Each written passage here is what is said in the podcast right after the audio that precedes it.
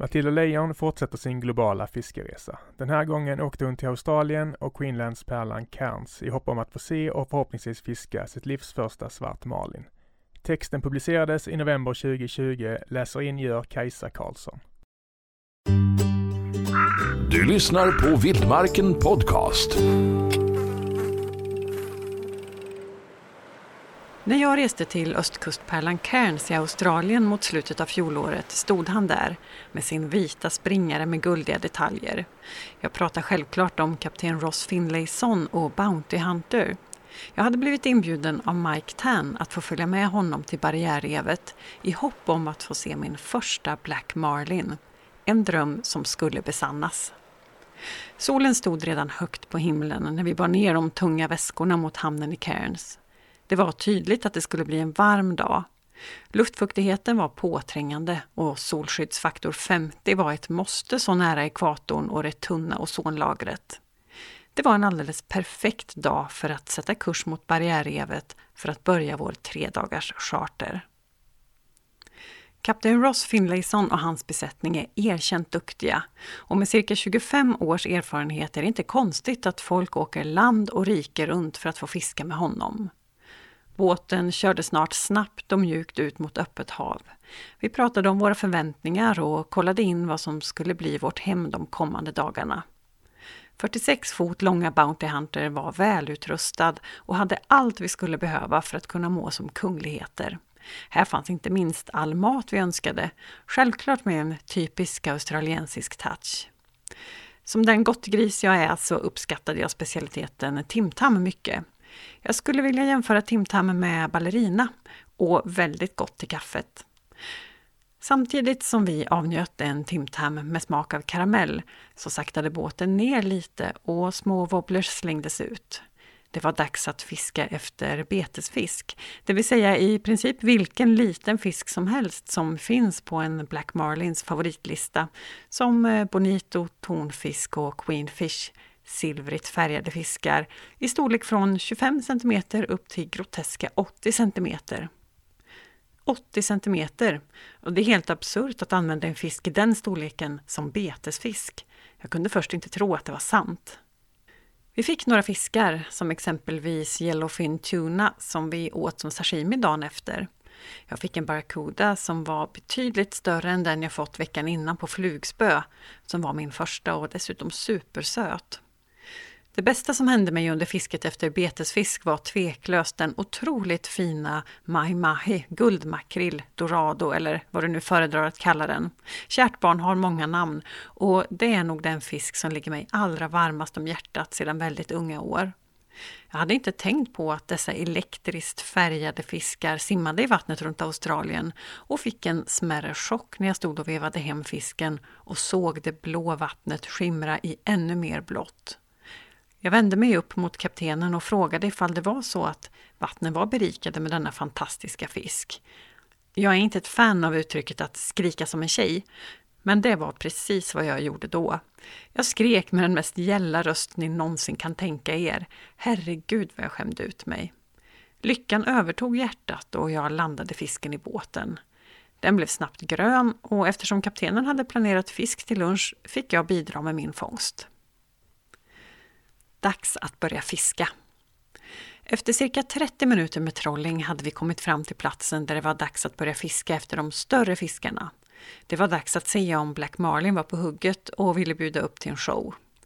James, som jag var i Australien med, drog vinstlotten och skulle alltså vara den som fick fighta första fisken. Det gjorde inte mig något. Jag har tidigare både varit med och bedrivit detta fiske och fångat några billfish. Jag har tidigare även varit med om fiske efter Blue Marlin i samband med att jag hade turen att få spendera två månader på Offshore Hunter när hon låg utanför Ascension Island under hösten 2016. Jag är van vid fiske med flertalet beten och teaser, vilket vi även började med på denna resa. Travis, som var mate på båten, riggade i ordning snabbt och flög runt som en iller på däck. På bara en kort stund hade han fått ut en stor variation av färger på de olika betena bakom båten. Vi var nu redo för adrenalin och hoppande fiskar. Slutet av november är dessvärre inte prime time vad gäller fiske på barriärrevet och fisket hade varit segt de tidigare dagarna. Förhoppningarna var därför inte alltför stora och vi var inställda på att vi kanske inte skulle få se någon fisk. Det finns ju faktiskt folk som åker på många resor innan de får möjlighet att fighta en fisk så mäktig som en marlin. Dock dröjde det inte länge innan vi hörde Ross skrika att vi hade en elektrisk black bakom båten. En fisk som skimrade i den allra finaste blå av aggression och bestämdhet att den skulle få äta. Adrenalinet flödar. Adrenalinet i fisken flödade, vilket smittade av sig på oss i båten.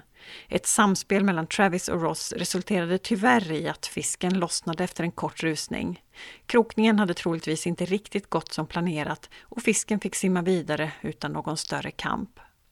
Den eviga väntan tog åter vid och tiden gick. Om sanningen ska fram så är det ganska långtråkigt att sitta och titta på skumpande beten i vattenytan. Jag kom dock snart på ett trick som gjorde det lättare. Om man inbillade sig att man såg en fena som skar vattnet så blev man taggad och redo. Detta var något som jag fick göra många gånger för det tog väldigt lång tid innan vi fick se nästa fisk. Första dagen gick mot sitt slut och båten styrdes mot grundare, lugnare vatten nära revet. Det var i princip bleke och båten rörde sig knappt. Maten förbereddes och vi plockade fram flugspöna och fiskade i blindo i mörkret i hopp om att få någon av de jacks som simmade under båtens lampor. Vi fick se oss besegrade en stund senare i samband med att vi fick maten serverad på bordet. Vilken lyx det är att få smaka på den fisk du själv fångat efter en hel dag på havet. Det var den otroligt fina gulfenade tonfisken som blivit kotletter och slängts på grillen. Alldeles rosa i mitten om en fin stekyta. Till tonfisken fick vi en köttbit, en potatisvariant och sallad. Det var en måltid som inte var särskilt svår att smälta i sig och som sedan avslutades med ytterligare en timtam. Att sova på båt är en favorit hos mig. Jag älskar att höra hur båten rör sig och ankaret som sträcks upp. Nackdelen är att natten är över så fort och att morgonen är så tidig. Jag kände dock inte att jag hade rätt att klaga eftersom vi väcktes av frukost och en fråga om vi skulle snorkla över revet innan vi tog oss ut på fisket. Vem skulle tacka nej till att ta ett morgondopp på ett av världens finaste rev för att kika på fiskar? Inte jag i alla fall. En riktig kloss. Jag var snabbt på med baddräkten och masken och hoppade ganska så graciöst, om jag får säga det själv, i havet. Jag låg och flöt på ytan i lugn och ro och kikade på allt liv som fanns där under ytan under tiden som Travis fridök och plockade upp olika saker från botten och visade mig. Vi fick se rockor, sköldpaddor, en liten revhaj och massa fiskar som jag inte kan namnet på. Vilken start på dagen, vilken energi! Fiskeplanerna för dagen såg lite annorlunda ut jämfört med dagen innan. Den startade på samma sätt med att trolla efter betesfisk som vi hade gjort dagen innan. Samtidigt som våra beten var ute så började Travis fippla runt med massa fiskar från frysen, tandtråd, stora krokar och en gigantisk nål. Jag bad honom visa och förklara för mig vad han gjorde och av vilken anledning. Min nyfikenhet brukar ta över vid sådana här tillfällen och så även denna gång. Jag ville ju själv vara med och förbereda så mycket som det gick för att ta del av fiskelyckan som vi hoppades på. Travis förklarade för mig att just uppe i Cairns och barriärrevet, där vi utgick från, så fiskar man väldigt annorlunda jämfört med marlinfisket som jag varit med om förut. Här finns nämligen möjligheten att fiska med väldigt stora betesfiskar. Black marlin är, som de flesta vet, en väldigt stor fisk och kan väga över ett halvt ton när den är fullvuxen. Det är alltså en riktig kloss och något helt annat än vad vi är vana vid i våra svenska vatten. Anledningen till att vi fiskar med större betesfisk efter Black Marlin kan enkelt jämföras med gäddfiske. Om du åker ut på ett fiskepass och har med dig både jiggar och betesfisk så kommer du kunna och behöva fiska ditt gummibete mycket snabbare jämfört med din betesfisk. På gummibetet kommer du få ett snabbare hugg. Fisken kommer alltså inte börja smaka på skärten av jiggen, tycka att det är supergott och vilja fortsätta med sin lilla munsbit, utan kommer istället med största sannolikhet spotta ut vad den trodde var en betesfisk så fort den känt smaken av gummi.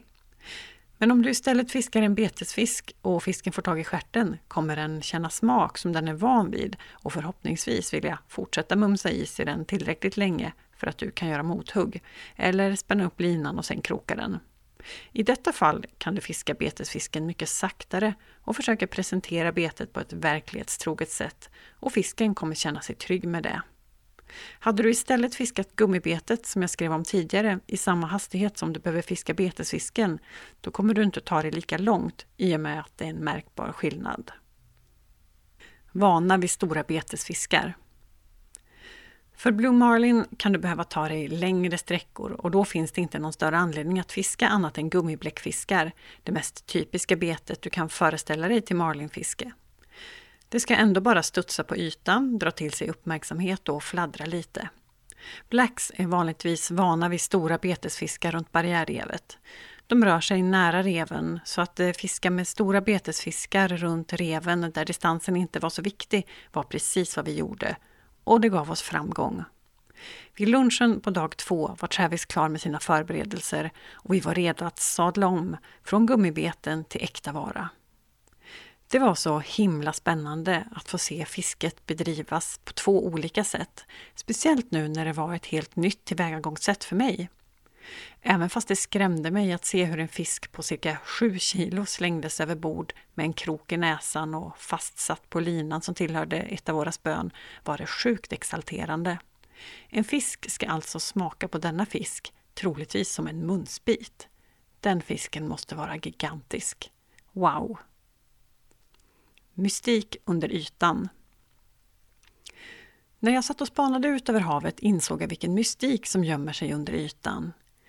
Vi tror oss veta så mycket, men egentligen vet vi inte mycket alls. Jag slutar aldrig att förvånas och undra ifall vi någonsin kommer bli fullärda när det kommer till fisket och våra hav. Precis när jag tänkte dessa tankar slängde sig en, enligt mig, pytteliten barracuda i luften efter att ha bitit av halva betesfisken i ett nafs. Hur gick det där till? Och så fort? Jag rynkade på ögonbrynen samtidigt som betesfisken byttes och samma sak hände igen, bara några sekunder efter att betet kommit på plats igen.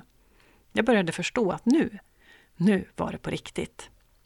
När vi hade guppat omkring på det stökiga havet i några timmar hände det. Helt utan förvarning hade en fisk krokats på en av våra betesfiskar och rullen började skrika. I ett lugnt kaos togs alla saker som inte längre behövdes in och James satte sig i stolen, fick spöet placerat i bältet och fighten var igång. Kapten Ross styrde båten och såg till att vi alltid hade den bästa och lättaste vinkeln för att kunna landa fisken så snabbt som möjligt. Linan sprutade ut snabbare än vad James fick in och man såg på vår kära muskelknutt att detta är annat än laxarna han är van att fånga hemma i England. Han spände benen och vevade på vägen upp. Sedan satte han sig tillbaka i stolen igen för att pumpa in fisken. Spände benen och vevade hem den lina han fick och satte sig igen. Denna procedur fortsatte hela vägen tills att vi såg beteslåset och tafsen kunde tas och med hjälp av handkraft drogs fisken in den sista biten. Emotionellt ögonblick. Detta är den del som jag var mest exalterad över på förhand. Ryktet säger nämligen att blacks har en tendens att bli galna när de är en tafslängd från båten. Jag var redo med kameran för att försöka fota ifall den skulle gå bananas. Jag som aldrig fotat fiskar på detta sätt tidigare blev förvånad över hur fort allt gick och hur mycket vatten som skvätte överallt, inte minst på linsen. När fisken hade slutat hoppa och vi kunde släppa tillbaka den kunde man se en bit emotionell känsla i James. Hans dröm hade gått i uppfyllelse Hans första billfish var landad. Om vi hade kommit i kontakt med ännu en fisk hade det varit min tur att få fighta. Men det blev aldrig så. Jag fick aldrig chansen. Med handen på hjärtat var jag ändå så himla nöjd med resan när vi kom tillbaka till hamnen i Cairns. Vilken upplevelse det var! Och även jag fick se min första black. Hit vill jag åka tillbaka. Vildmarken Podcast. Hitta fler avsnitt och ta del av vårt digitala magasin på vildmarken.se.